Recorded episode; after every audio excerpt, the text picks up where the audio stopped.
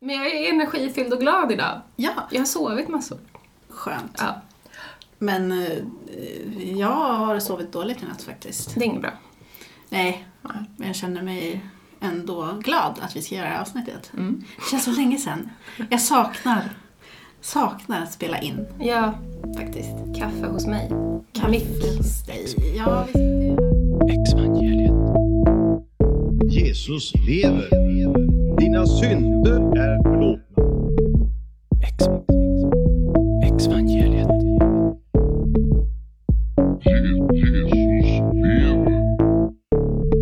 Exvangeliet.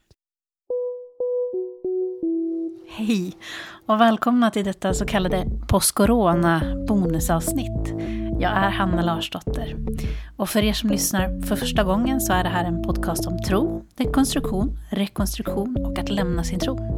Jag har själv ett förflutet inom pingst och trosrörelsen.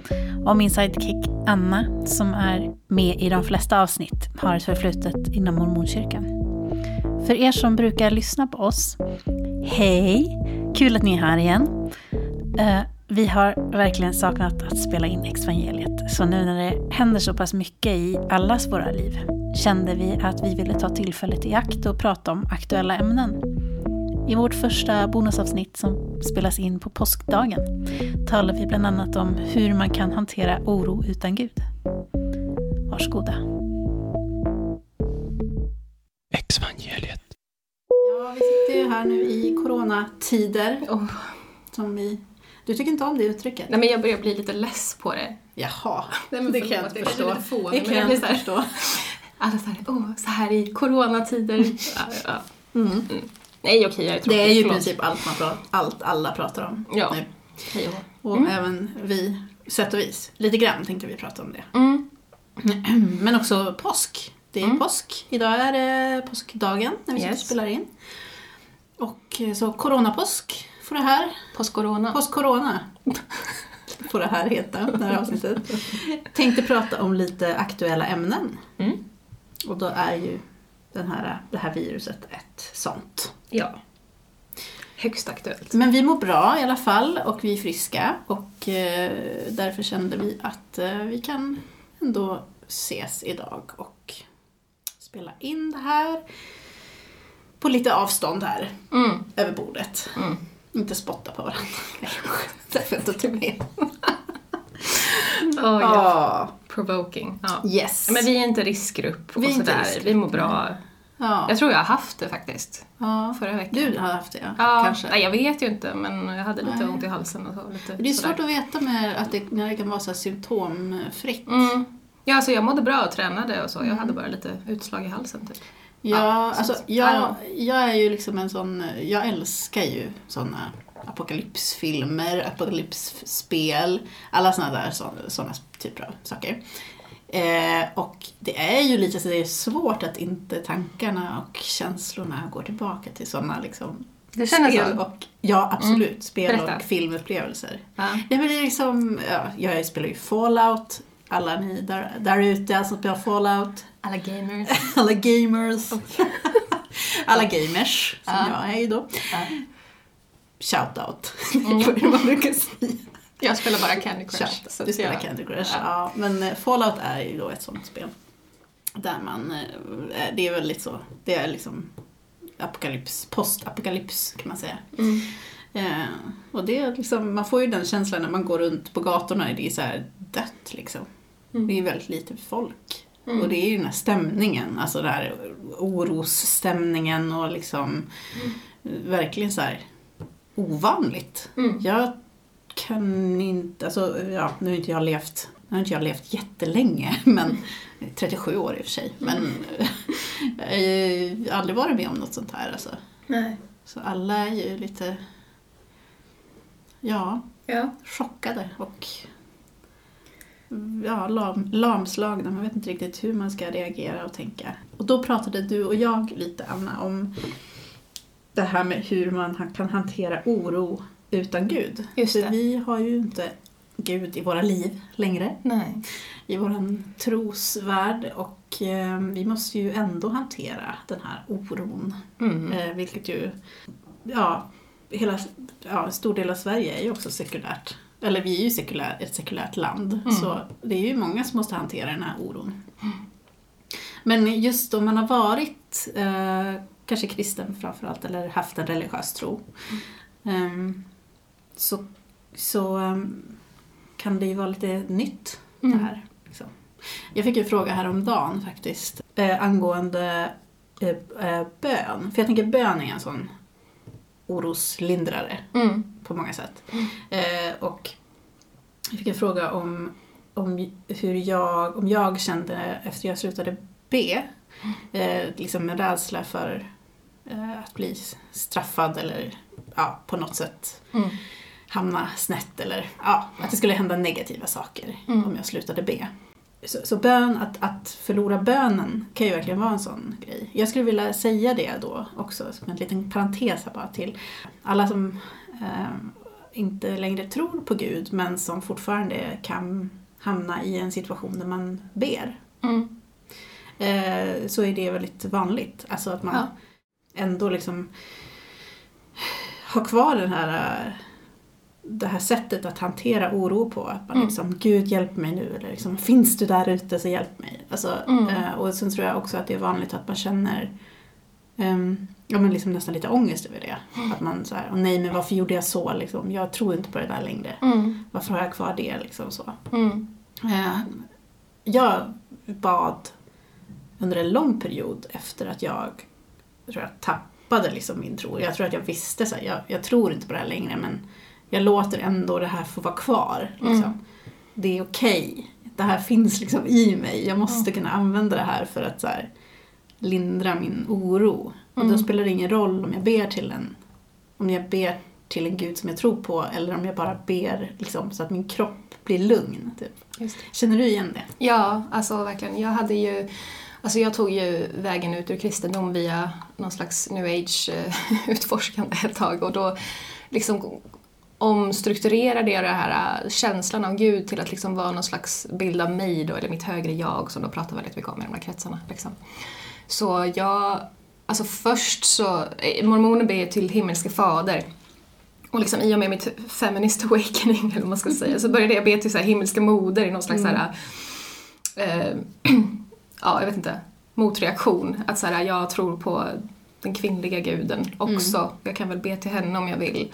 Och sen så liksom var jag väl i något år i någon slags så här äh, är Gud bara en sinnebild för en annan del av mig? Och så bad jag liksom till mig själv på ett Alltså jag var, liksom, jag var i sådana där tankar och liksom testade olika saker. Och så. Eh, olika tankar och olika sätt att tänka på det. Så att jag hade absolut, jag var förvirrad där ett tag. Eller vad man ska säga, eller i någon slags utforskande.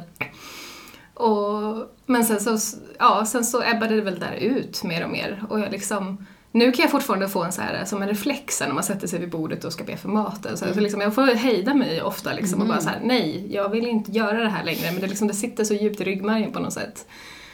Eh, men nu har jag, ja, jag har nog helt lämnat det där faktiskt. Det var länge sedan jag tänkte på det där. Och jag känner mig Ja, jag, jag känner att jag har hittat den tryggheten i mig själv. Liksom. Det är som att jag, jag behöver inte, alltså för det, det är någon slags någon slags ångestdriv i det där också. Att såhär, åh nej nu är det dåligt, jag måste hitta Gud. Typ, så här. Och man måste liksom ut och så här, man måste be och man måste liksom leta sig fram i sitt sinne till den här guden som ska frälsa mig från det här jobbiga. Alltså jag, jag, jag tycker att jag har ett mycket lugnare liv och en mycket lugnare känsla i mig själv när jag inte tror på Gud. När jag inte tror att trösten finns någonstans där ute som jag måste hitta utan jag kan bara andas och ha coping strategies här och nu. och, och liksom, ja, så känner jag. Alla fall. Ja, men för, mig, för mig var den där bönen ofta när jag hade, alltså när jag hade, ja, mådde dåligt, hade Mm. ångest. Mm. Mer där för mig. Liksom, som att det var en typ av så här känslohantering nästan. Mm. Och det kan jag också känna att jag mer och mer, liksom, även om jag lät det här vara kvar, när bönen, liksom, bönereflexen, Mm. så kunde jag ändå så här, säga till mig själv så här, det här är liksom, ett behov jag har just nu. Jag Mm. måste göra så här. Och det är okej. Eh, sen idag kan jag ju, jag tror som du sa, Mm. det här att det liksom gradvis avtog. Men Mm. att jag nog snarare började liksom nästan prata med, mot mig själv. Eller Mm. trösta mig själv. Eller liksom, ja, vända den där bönen inåt istället för, att, för utåtriktat. Just det. Det liksom, och det, där är jag nog fortfarande idag. Att liksom, mår jag dåligt så, så är det mer så att jag liksom är snäll mot mig själv. Och liksom Mm. så här, det är okej Hanna, Mm. du får gråta. Ja. Typ. Ja, det är faktiskt okej att, att liksom ha en typ av inre samtal. Liksom, Mm. att, att hitta det. För jag tror jag kan hjälpa väldigt mycket just mot oro ändå. Mm. Exvangeliet. Jag har samlat lite så här religiösa röster. Mm. Som jag, liksom, förutom då överlag att det är oro liksom i, i, i allmänt i vårt samhälle. Alltså man kan ju vara rädd liksom och känna sig rädd för att förlora jobbet. Man kanske har förlorat jobbet. Alltså det finns massa Mm. sådana grejer eh, som man måste praktiskt liksom hantera. Eh, men sen finns det ju också den här eh, religiösa skräcken eller oron som jag har snappat upp lite här nu under veckorna som har varit. Mm. Ehm, är corona Guds straff? Mm. Corona är Guds straff. corona är Guds straff för homosexualitet. Mm. Viruset är Satans taktik för att sprida rädsla. Det är en prövning. Men Herren, men herren är min herde i dödsskuggans dal. Sverige behöver Jesus och inte handsprit eller munskydd.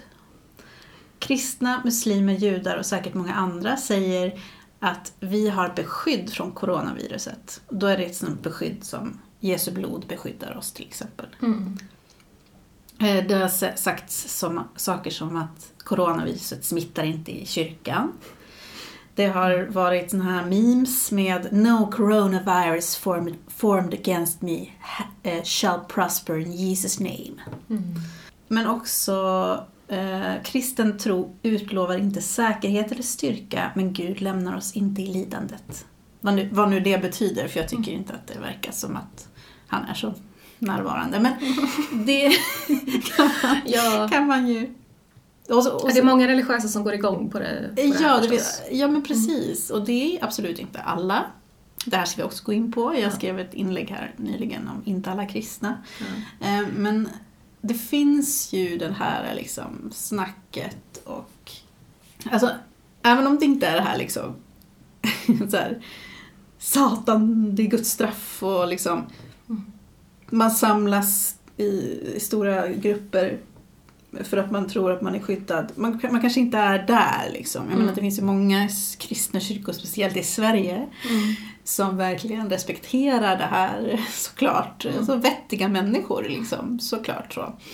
Eh, som kanske mer har den här liksom, vi är inte säkra, helt säkra eller eh, liksom skyddade från oro eh, bara för att vi är kristna. Men vi har Gud liksom ändå på vår sida. Mm. Och att det blir som en tröst på något sätt. Sånt där.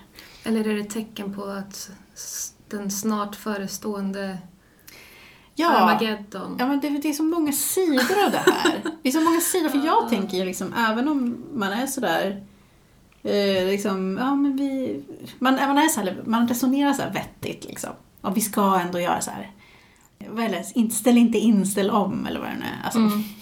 Ja. Ja. Ja, nej men eh, så, så, så det är ju bra och så, men det finns ändå så, jag är ju verkligen uppväxt med det här liksom, det, vi lever i sista tiden och Mm. liksom sånt där. Ehm, ja, det var ju en jordbävning borta i Salt Lake City.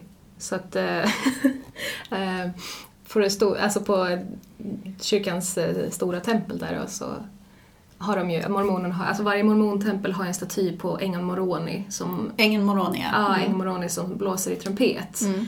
För att det är då liksom profetian att ängeln Moroni ska komma och blåsa i sin trumpet innan Jesus Just nedstiger för, För- sin andra ankomst. Så. Ängeln Moroni var ängeln som kom med budskapet Med till- Mormons bok till, ja, till Josef Smith. Ja, Ja. precis. Eh, så att varje mormontempel har den där Mm. guldstatyn med Moroni som med, med en trumpet. Men så var det en jordbävning i Utah för några veckor sedan, mitt i den här coronapandemin. Så att Moroni tappade sin trumpet. Mm.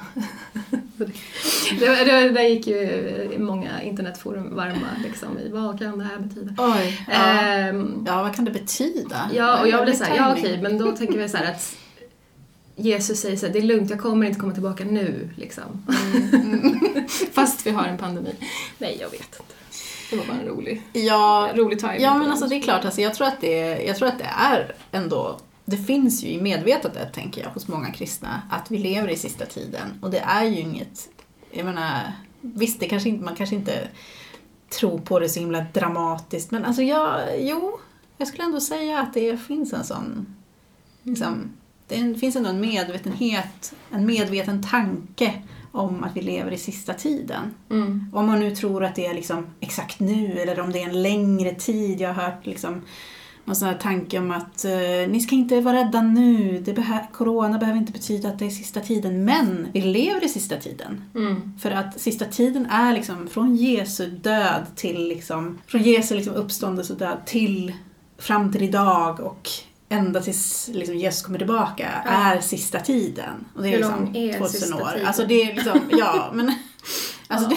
Det, kan man ju tolka hur man vill. Mm. Ehm, men att det är bara det här att det är liksom sista tiden, bara det är ju så himla ödesmättat. Mm. Alltså, det är inte bara så här, åh nu har vi, nu har vi en kris.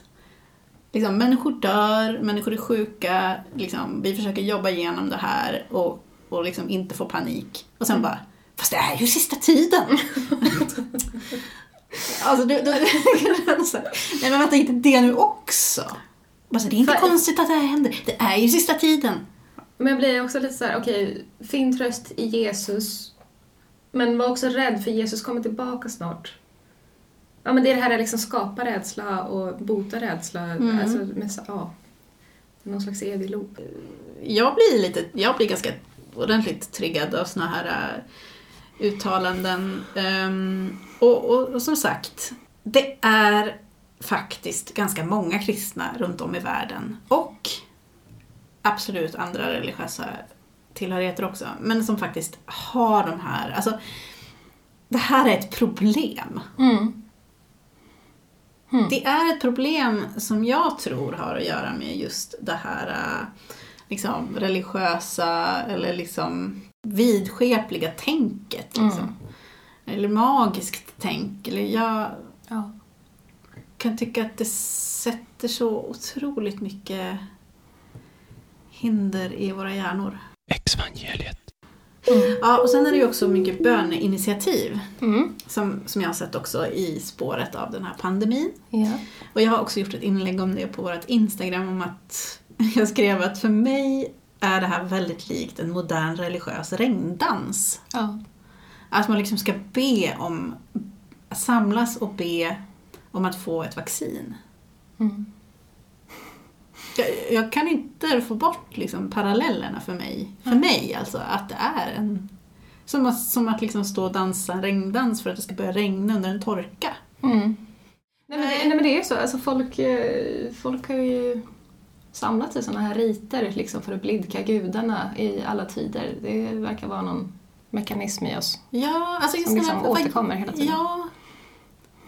Jag undrar liksom så här, är det, har man de här bönesamlingarna för att man, man vill be fram ett corona eh, för att man faktiskt tror att Gud kommer att ge oss ett coronavaccin?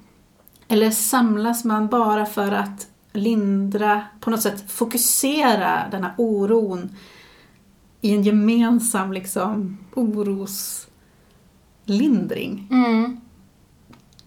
Så Ja. tänker jag. Mm. Eller så är det en kombination. Mm. För mig blir det ju bara ett uttryck av liksom, vi samlas för att på något sätt, vi behöver det för Mm. att vi är oroliga och rädda. Typ. Ja. Men de såklart, människorna tror ju också på att det faktiskt har en effekt.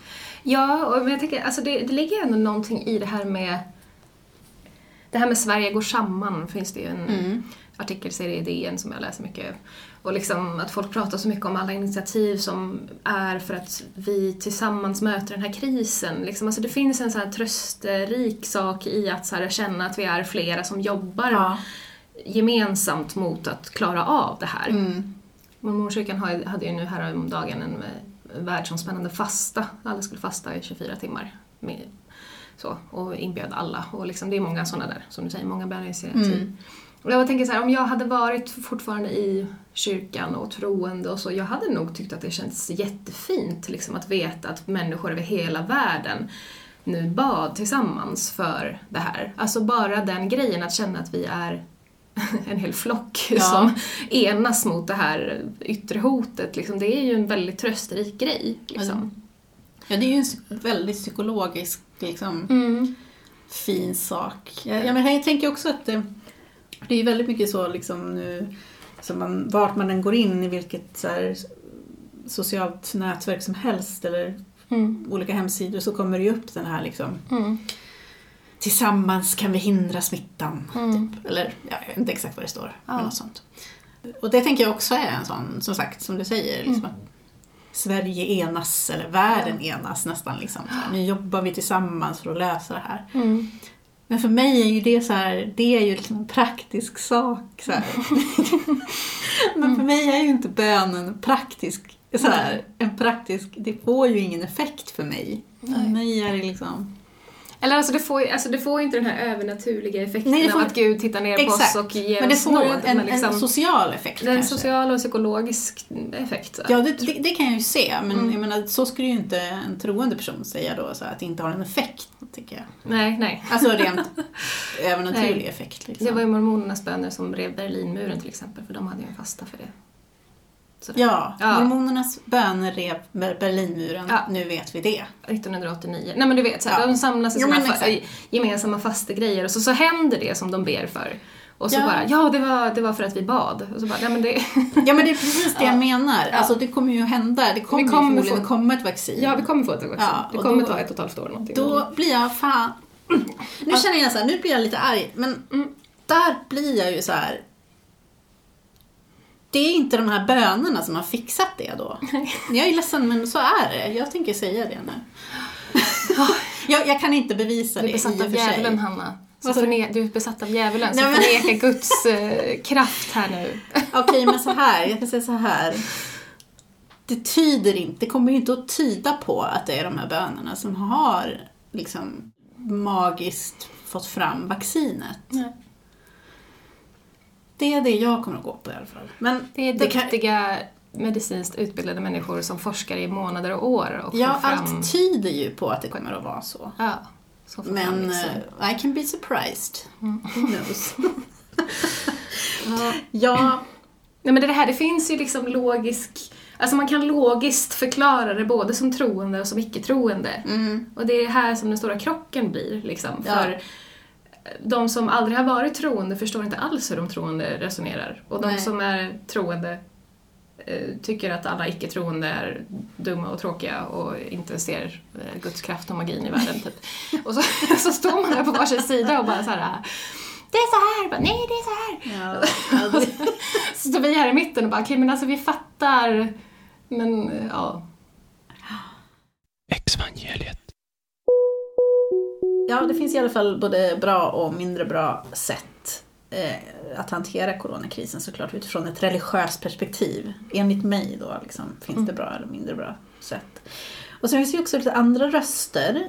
Eh, eh, två humanister, Patrik Lindenfors och Anna Bergström, som skrev i Expressen Debatt en artikel med namnet Lurendrejarna som utnyttjar coronakrisen. Den börjar så här. Charlatanernas tid är nu. För, försäljare av falska botemedel och förmedlare av falsk tröst står villigt redo att utnyttja den uppkomna pandemin för egen vinning och för att värva medlemmar till sina organisationer. Mm. Och eh, du hade lite tankar om det här med att de skriver falsk tröst. Ja, precis. Precis. Berätta vad du tänkte. Ja, alltså nej, men det är det här, de här två olika sidorna igen. Liksom att det är så här, en falsk tröst. Alltså det är, det är ganska hårt att säga så, att det är en falsk tröst. Eh, jag eh, kan tipsa om ett YouTube-klipp, eller ja, ett TED-talk som våra lyssnare jättegärna får kolla på. Eh, om du söker på TED på YouTube och sen A Scientific Approach to the Paranormal så är det en tjej som heter Carrie Poppy som pratar om eh, det här.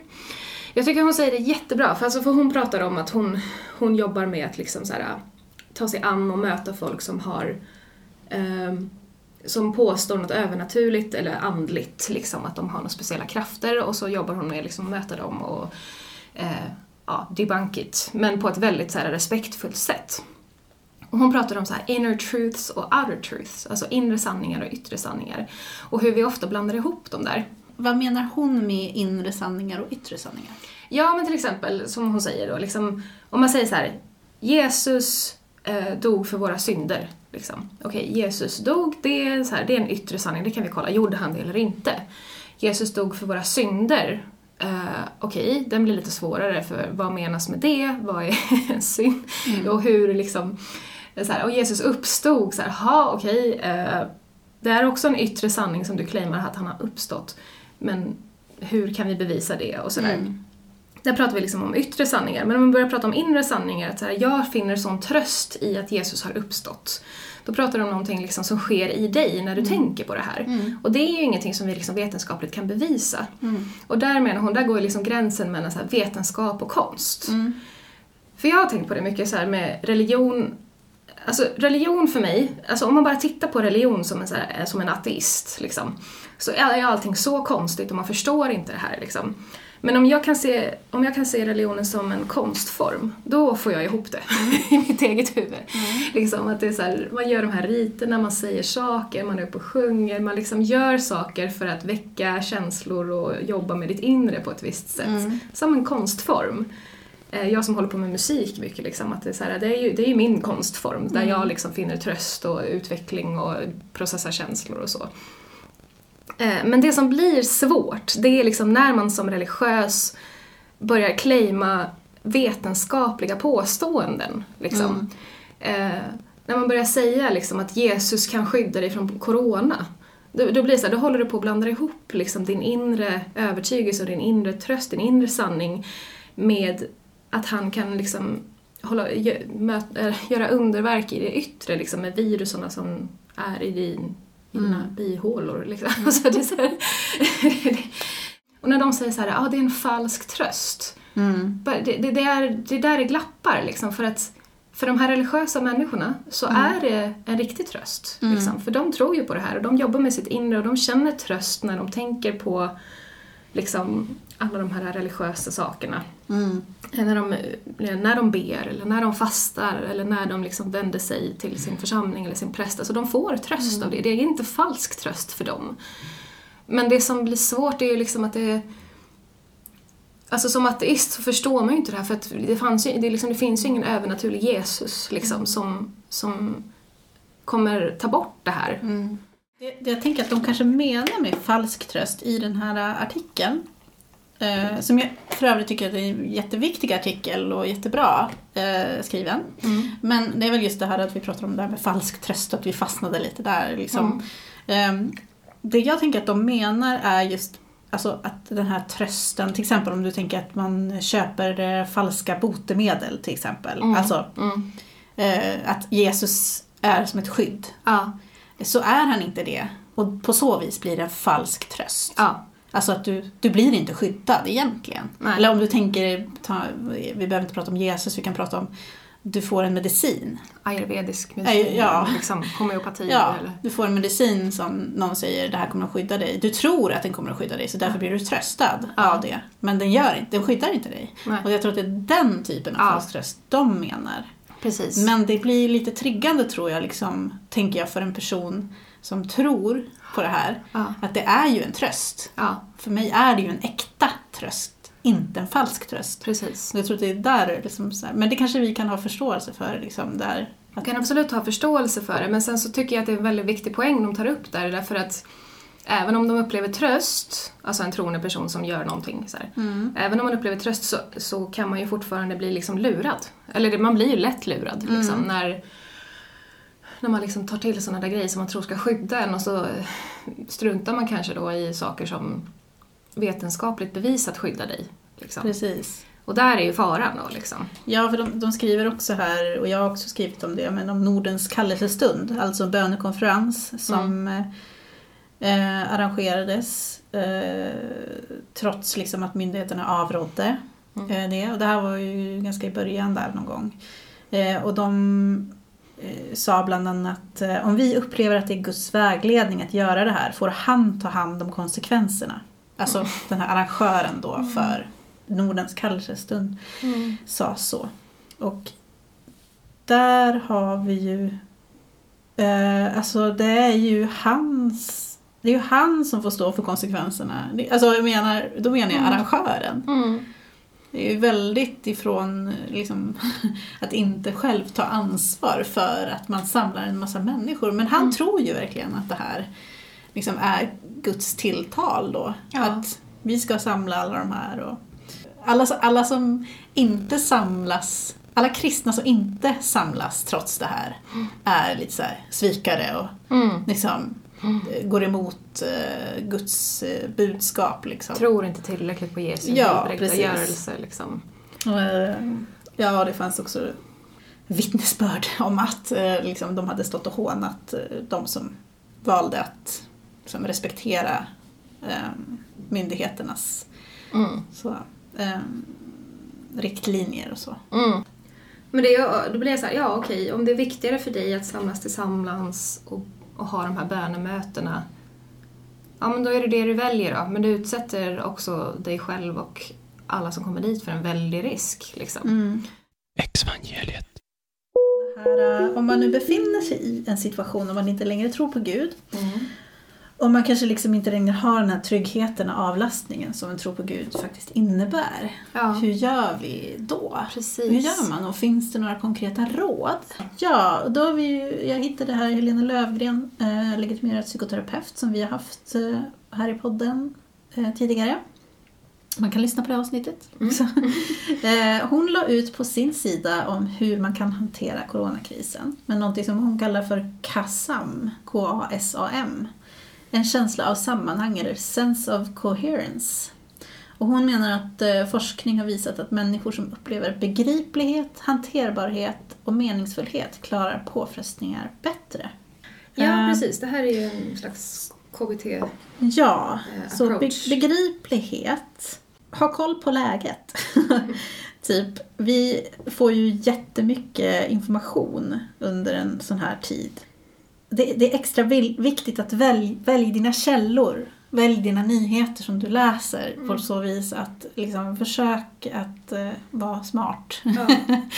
och och liksom, försök att se, ja men kommer det liksom märkliga källor som bara skriver en massa liksom saker som får dig att må dåligt och få känna oro. Mm. Men också det här liksom att man, man måste fundera lite, är det här rimligt? Liksom? Mm.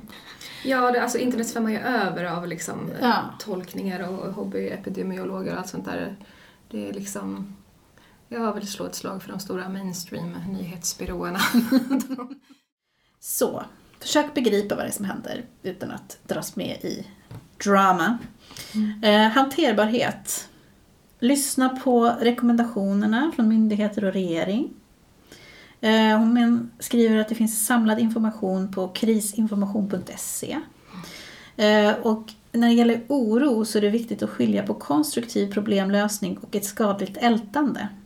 Du kan till exempel skriva ner saker som du oroar dig för och sen sortera i det vad du kan påverka och inte. Du kan göra planer på vad det du kan påverka och sen försöka bara träna på att hantera ovissheten. Eftersom vi, ingen av oss vet hur länge det här kommer att pågå eller hur konsekvenserna kommer att bli så kan det vara liksom väldigt obehagligt. Sånt kan man behöva träna på. Och mm, då pratar hon om acceptance and commitment therapy till exempel. Och det innebär att acceptera att just nu är det så här. Och så får vi ta liksom en dag i taget kanske. eh, och försök leva i nuet och vara mer medveten om ditt tankeflöde. Försök att identifiera dina orostankar istället för att dras med i katastroftankar. Ja, hur låter det? Mm. jo men absolut. Alltså det, det handlar ju om liksom att eh, ja, lära sig nya sätt att hantera saker på. Man, liksom, man har ju haft en väldigt så här, uttalad, alltså som troende har man ju haft en väldigt uttalad så här, sätt att hantera oro och man har haft ett hopp om en himmel och en frälsning liksom. Och så här, Mm. och, alltså, som jag pratat om i tidigare avsnitt också, för mig har det varit så här Alltså det är som att man behövt axla och ta all världens mörker på en och samma gång i det här när, liksom, när min frälsare och min himmel försvann. Liksom, Helt plötsligt så står man där i, ett, i en hopplös meningslös värld och liksom hur ska jag hantera att det, att det aldrig kommer bli så där bra som jag blev lovad liksom. Eh, men jag känner faktiskt, alltså i och med att jag har varit igenom det här, som när jag bara pratar så här personligt här nu, liksom att eh, det, det har gjort mig mycket starkare på något sätt. Alltså att jag, jag gick igenom hela den här krisen och jag överlevde den. Jag känner mig liksom inte så rädd för saker och ting längre. Liksom, jag, var, jag har redan varit igenom det värsta som kan hända. jag blev av med allt jag hade, all min tro och allting och jag överlevde ändå. Liksom. Eh, jag vet att jag klarar svårigheter. Så känner jag nu. Liksom. Kanske kan vara hoppfullt för någon att höra som är mitt i en kris. Men liksom, jag, jag har klarat det här själv. Jag har inte behövt någon frälsare. Nej, jag tror att det där med acceptans är superviktigt. Det har jag tänkt är en sån grej som har hjälpt mig mycket i det här. För jag, jag är en sån person som har haft ganska mycket katastroftankar. Ja. Alltså som liksom, det har bara malt på. Mm. Och att på något sätt så här, acceptera tankar Mm. har för mig varit jätteviktigt. Att så här, nu är jag orolig. Liksom. Mm. Jag, det, nu känner jag så här. Och så är det Mm. just nu. Eh, tanken är inte liksom, den, den kan vara viktig absolut. Mm. Det kan vara jätteviktig tanke. Det är jätteviktigt att lyssna på sina känslor, på sina tankar. Mm. Men alla tankar är in, och alla känslor är inte, eh, liksom, man behöver inte eh, sväva iväg på dem. Liksom. Man är inte alltid proportionerlig. Nej, precis. kanske. Utan man kan accept, samtidigt acceptera att de är där. Mm. Så här, känn in dem, liksom, fundera lite på dem och sen så, ja men liksom, Ja. kan du så, så får den liksom försvinna iväg. Ja men Så. precis, alltså för jag kände såhär, jag, jag liksom, jag, när jag fick ont i halsen, när jag så här bröt ihop och så här, grinade en skvätt och bara, ja, för jag har haft lunginflammation massa gånger och jag tänkte Ja. så här, bara, jag kommer bli så jävla sjuk i det här coronaviruset ifall Ja. jag får det. Så fick du lite ont i halsen. Så fick jag lite ont i halsen och så började jag grina och så Men och liksom, det är klart att sen när man läser om alla som har dör och alla liksom, de här hemska historierna, alltså det är klart att man blir ledsen och påverkad liksom. Eh, men det är också någonting, alltså det är att vara människa liksom. Det är klart att man översköljs av oro och sorg i svårigheter. Men för mig nu så är det som att okej men då gråter jag en skvätt och så, så kanske jag går ut och springer en vända eller liksom ser till att äta något gott. Alltså så att att jag behöver inte längre frälsa bort allt mitt obehag. Liksom, utan jag kan känna den där sorgen eller den där oron en liten stund. Och eh, förhoppningsvis så fastnar man inte med i den. Jag menar, är man i ett depressivt tillstånd så Ja, är det ju att man absolut. fastnar i de där sakerna och då behöver man hjälp att bryta det. Men liksom, alltså annars så kan man bara låta det skölja igenom en känner jag. Och så går det över sen. Utan att jag har bett, eller utan att jag har liksom fastat och späkt mig för att få nåd. Alltså det är så här, Precis. det går över ändå. För mig så har det varit så viktigt, alltså vi pratade om det här äh, mormonkulturen som ofta håller på med det här turn it off. Så blir det där Ja, just det. Man ska musikalen. stänga av Man ska bara stänga av, man ska bara liksom, men Jesus har ju frälst oss. Mm. Så att när du känner obehag så liksom, det är så här, nej, eh, bort med det. Liksom, Mm. För att vi, vi ska ju vara lyckliga. Alltså för mig har det varit så här att, att få ha kontakt och få vara i mina svåra känslor och bara låta dem vara där en stund.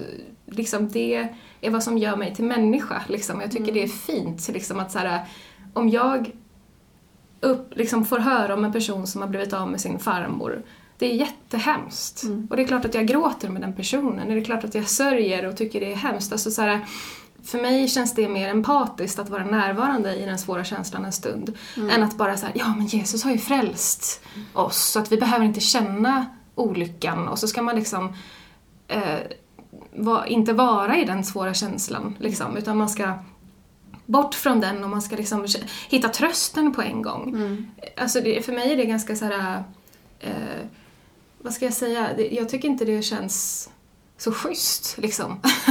alltså att man inte kan vara närvarande i att så här, hörni det här är jättejobbigt och liksom vi är i det tillsammans. Alltså så här, vi, vi tröstar varandra, eh, liksom, alltså jag vet inte, jag, jag tycker att det kan bli eh, verklighetsfrånvänt, liksom, att inte vara orolig. Alltså det är klart att vi är människor, det är klart att vi är oroliga och ledsna. Jag tycker att vi måste få vara det, alltså, annars är man inte fullt ut mänsklig. Men det är det han gör, han den här, det går ju något eh, väldigt viralt YouTube-klipp nu på en predikant. Copeland.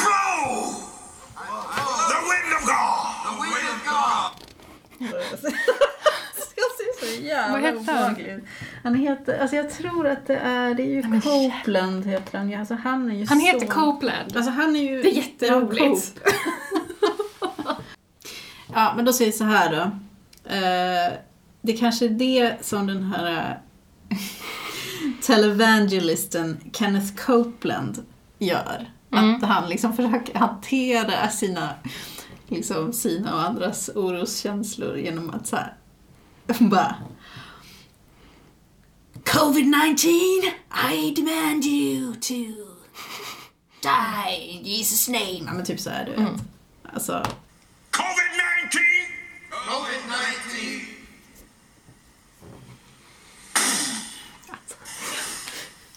I blow! The wind of God! The wind of God! On you. On you. You are destroyed forever.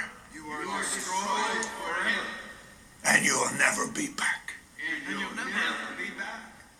Thank you, our God. Thank you, our God. Let it happen. Let it happen. Cause it to happen. Cause it to happen. Ja, han blåste där bort med The Wind of God, Ja, Covid-19. Wind of God. Ja. Nej men det, det, det är hans sätt att cope with the anxiety. Ja. Vad tycker du Hanna, när du ser det här? Nej, men, Kenneth. Copeland. Ja, alltså, ja vad ska jag säga? Min kommentar är att jag hade väldigt många influenser från diverse olika evangelikala eh, platser när jag var när jag växte upp och under min tonåring och min vuxna tid. Eh, Så jag är inte alls främmande för det här sättet att uttrycka sig på. Mm. Ehm, liksom, ofta när jag berättar om mina saker som jag varit med om så är det ju många som bara så här, ja men du har ju varit med om, du har ju varit med i jättedestruktiva saker och eh, så där är ju inte frikyrkan. Och nej men absolut, det kanske inte är så. Men det finns såna här inslag. Alltså för mig var det så naturligt. Jag, jag, För mig när folk säger så så blir jag så här, va? Mm. Liksom. För mig var det där en av de liksom de som trodde mest. De som Ja. var starkast, de som var liksom mest troende, de som hade mest kraft, de som hade förmodligen kände Gud jättebra och liksom, de var ju så himla självsäkra. De som kan stå där och liksom skrika och spotta liksom till djävulen. ja men alltså idag tänker jag inte så, men, men alltså för mig är det så här, ja, det, jag trodde definitivt på att de, han skulle ha någon slags liksom, kraft att göra grejer. Eh, så jag... Det, där, det här klippet eh, går ju rätt varmt i mina kretsar i alla fall. Eh, det finns på ateistsidor och det är på alla möjliga ställen. Eh, och jag kan liksom... Jag kan menar, och- menar du att eh, du har vänner i din krets också som delar det här för att de tycker att det är bra? Ja, de liksom? tycker att det är kul. Nej, nej, inte för att de tycker att det är kul. Det är bra. Nej. Inte för att de tycker att det är bra. Det är väldigt få som delar det faktiskt för att de tycker att det är bra. Eh, idag. Det här kanske, så när jag mer lyssnade på såna här saker, det var ju mer liksom 80-90-tals, 80-90, alltså det var en annan tid för mig. Liksom.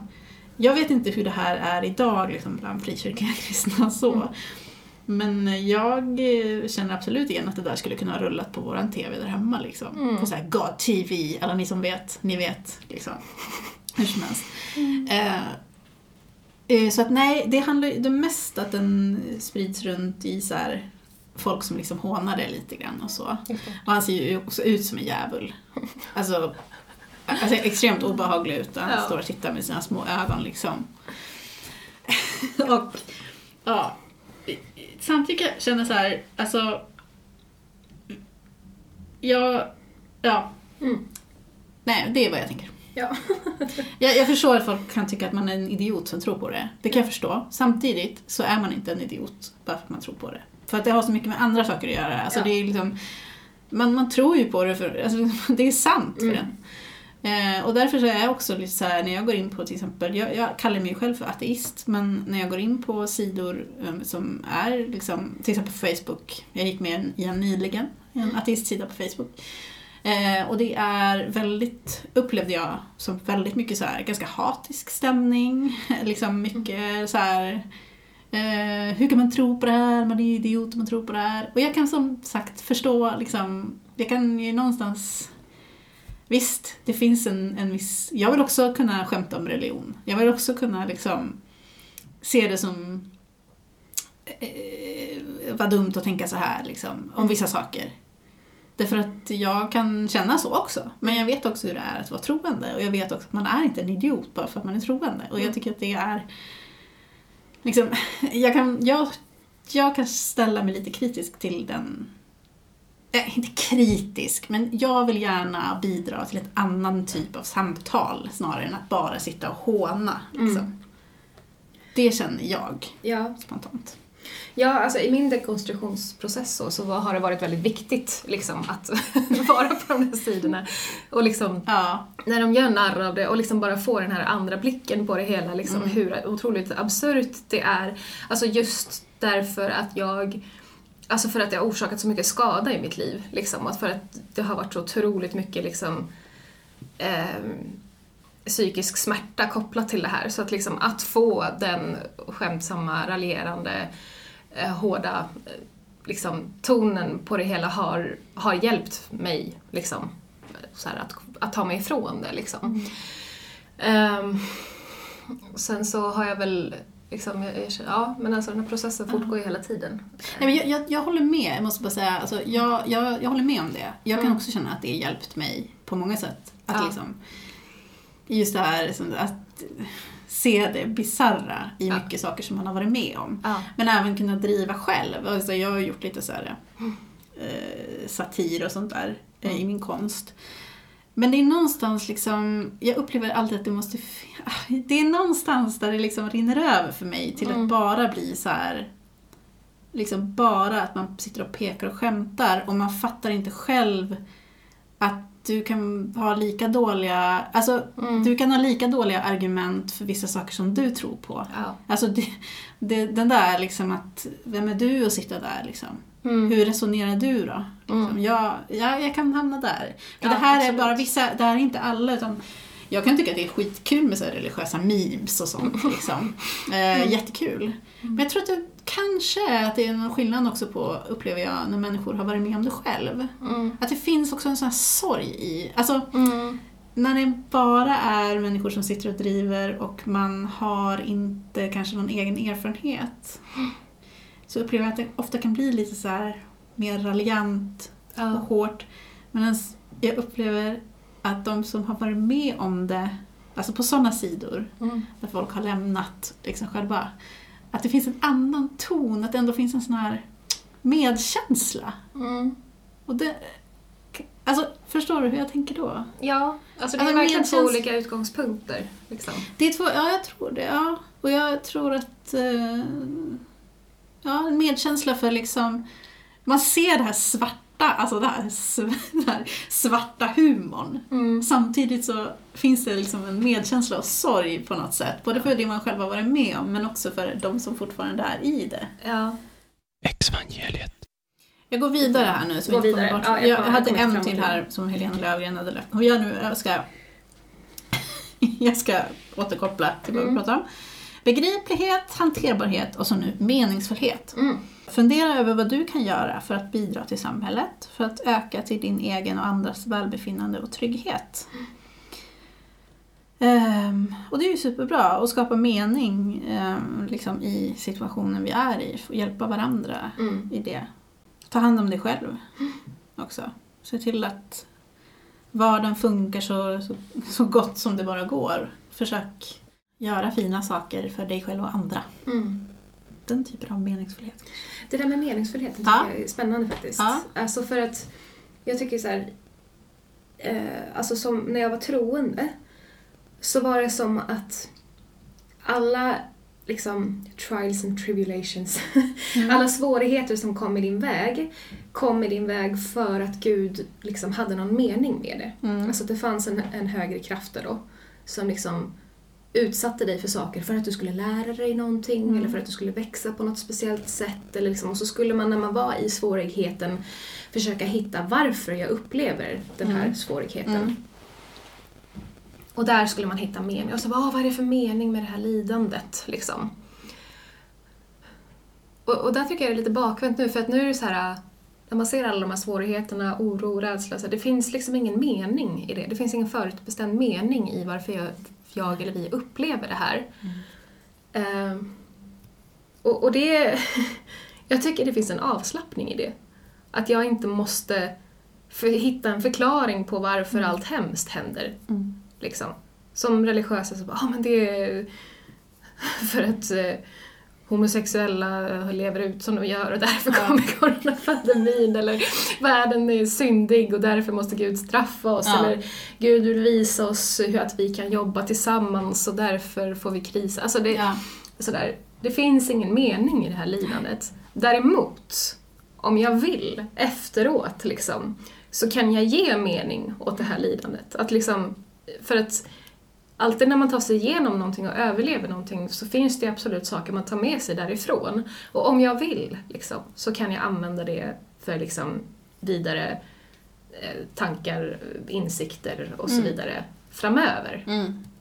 Men liksom, ja, jag, Ja, jag, jag förstår, tycker... det är skillnad där. Det, Ja. är skillnad på att, det är skillnad på att det som händer är, det meningen är att vi ska lära oss, eller att vi lär oss någonting av det som har hänt. Ja. Alltså det är en naturlig del, alltså vi kan göra det. Ja, Om vi gör det, liksom, det kan vara nyttigt och hälsosamt att hantera det som har hänt i efterhand på ett, liksom, ja, vi lärde kanske oss någonting av det i alla fall. Eller mm, världen blir bättre eller så blir den sämre. Vem vet liksom. mm, Det, det där det är sant. Det, är, det är en bra, bra fråga. För jag tänker liksom, du vet, när jag tänker när du säger så, det här med liksom, ja, saker händer av en anledning till exempel. Jag tänker så här på berättelsen om så här Noahs ark, så här, the flood. Alltså, jag menar nu var det ju bara en familj som överlevde den berättelsen. Men alltså det här med liksom att jag tror att man som kristen eller troende eller religiös är väldigt van att tänka kanske det här Guds, Guds liksom Nej men människan är, är liksom dålig och därför så väljer Gud att liksom ändå på något sätt, alltså då var det ju liksom verkligen, han valde ju att så här utrota allihopa, mm, förutom en familj. Fast jag tänker det där liksom att, att Gud ändå har den, den makten, den kraften. Jag tänker liksom att, att han också kan vara kapabel till att göra någonting. Liksom, och det är att hitta mening då i ett virus på något sätt. Vissa säger att det är Satan, vissa säger att det är Gud. Vissa säger, alltså det... Eh, eller, nej det är inte Gud, men han finns med oss i det onda. Alltså, jag vet inte vad jag vill säga med det här men Vissa säger att det är människan Det som har öppnat upp mot liksom det onda Ja, och alltså, syndat och alltså just det, där, ja, men det, det jag vill säga kanske är det här liksom, att hitta den här meningen. Ja, men Är det Gud? Eller är det Satan? Eller är det bara liksom, att det bara händer fast Gud är med oss och han tänker att vi ska lära oss någonting utav det? Ja. Istället för att bara så här, nu händer det, vi accepterar det någonstans. Vi jobbar för att vi ska komma ur det tillsammans. Eh, efteråt så får vi använda oss av våra erfarenheter. Mm. Och det får vara liksom meningen då. Ja. Eller liksom att vi får skapa en mening utav det här nu då. Ja. Men, men det behöver inte vara så här, varför kommer det här över oss? Ja. Liksom. Nej, alltså för jag kan, jag nu så kan bli, jag kan bli lite upprörd. Över liksom när folk upplever extremt svåra saker och så står någon troende och säger ja men det är för att Gud vill lära dig någonting. Alltså det ja. Jag förstår som, alltså hur man tänker som troende när man säger så men det är också ett för den som är i den svårigheten ett väldigt respektlöst sätt att, liksom så här, att på något sätt mena att du behöver det här svåra. Alltså att du förtjänar det på något sätt eller att Gud tycker att du ska uppleva det för att det ska bli något av Alltså det, nej. Nej, säger jag bara. det är sånt. Exvangeliet. Bara innan vi lämnar den kanske. Mm. Hur gör du, Hanna? För att hantera din oro. Ja, Eller om du vill ja, men jag, om det. hur jag gör? Nej, men jag tror att jag, jag gör mycket sådär som vi pratade om. Alltså jag tycker det var jättebra tips från, från eh, Helena. Mm. Eh, Där att,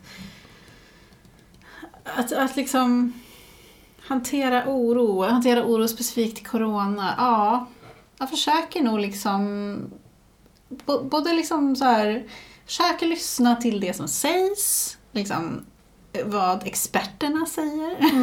De som ändå liksom har en, en, liksom, en större bild av det hela. Mm.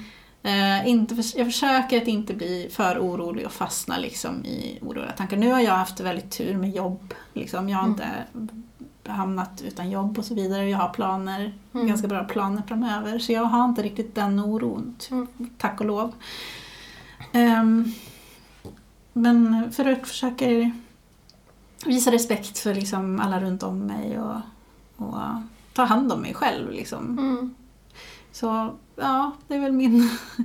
jag, jag, jag är inte så orolig av mig just när det gäller såna här saker. Jag har mer andra orosområden. Men just för mig har det varit viktigt där med att kontrollera, eller kontrollera, men att, att låta tankarna, att inte fastna i som sagt eh, katastroftankar. Mm. Att ja, låta tankarna finnas där. Mm. Eh, De dödar inte mig. Förhoppningsvis. Alltså liksom om man, och som sagt, om man inte är i ett depressivt tillstånd och så. Mm. Att det, liksom, det går över oftast. Mm. Det kan kännas skitjobbigt just i stunden, men det går över. Och det vet jag ju av erfarenhet, för att jag har varit med om det många gånger. Mm. Så ja, ta det lugnt. Sitt lugnt i båten. Mm. Men jobba också för eh, framtiden, för att vi ska liksom kunna fortsätta efter det här. Och bara minns alla kriser vi faktiskt har överlevt. Ja, vi människor. ja precis. Vi har en tendens att liksom ta oss vidare. Ja, kanske också försöka se, se det positiva i hur vi faktiskt försöker hantera det. Och Mm. eh, allt det positiva som människor gör och se liksom, människors kapacitet att hjälpa varandra. Mm. Eh, och det gäller ju både religiösa och sekulära och jag Ja. tycker att liksom, vi, vi verkar vilja ta hand om varandra Ja. i stort. Jag har fått någon tanke, jag vet inte om det här kanske är provocerande att jag säger det, Mm. men liksom när man läser, alltså så med allting så här miljöförstöringar, alla utbrändheter, allting liksom som vi människor i den här stan, typ i det här Mm. landet, har kämpat med. Alltså det känns som folk har varit redo för någon typ av större förändring. Eh, Och kanske behövt det. Och sen så är det hemskt att det ska behöva komma i den här formen, men det känns också som att det här kanske är på något sätt... Okej, nu låter jag som en, Meningen. nu låter jag som en Det här är religiös i alla meningen fall. Men liksom att det, så för det här, här. det här är... Åh, fy vad fånigt. Det är jättekul. Nej men liksom att, eh, ja. Nej men ja. Jag, jag tror att det kan Vet. komma bra saker ur det här också, även om det kommer väldigt mycket hemskt.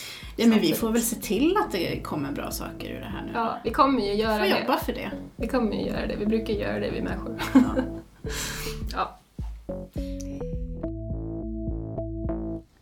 Tack för att du lyssnade. Vi hade så mycket att prata om när vi spelade in så att vi släpper snart ännu ett bonusavsnitt. Och där svarar vi bland annat på en lyssnarfråga. Eh, vi kommer att prata om religiösa underkläder, andliga upplevelser och kunskapsteori. Vi ses snart och till nästa gång, ta hand om er och andra. Hej!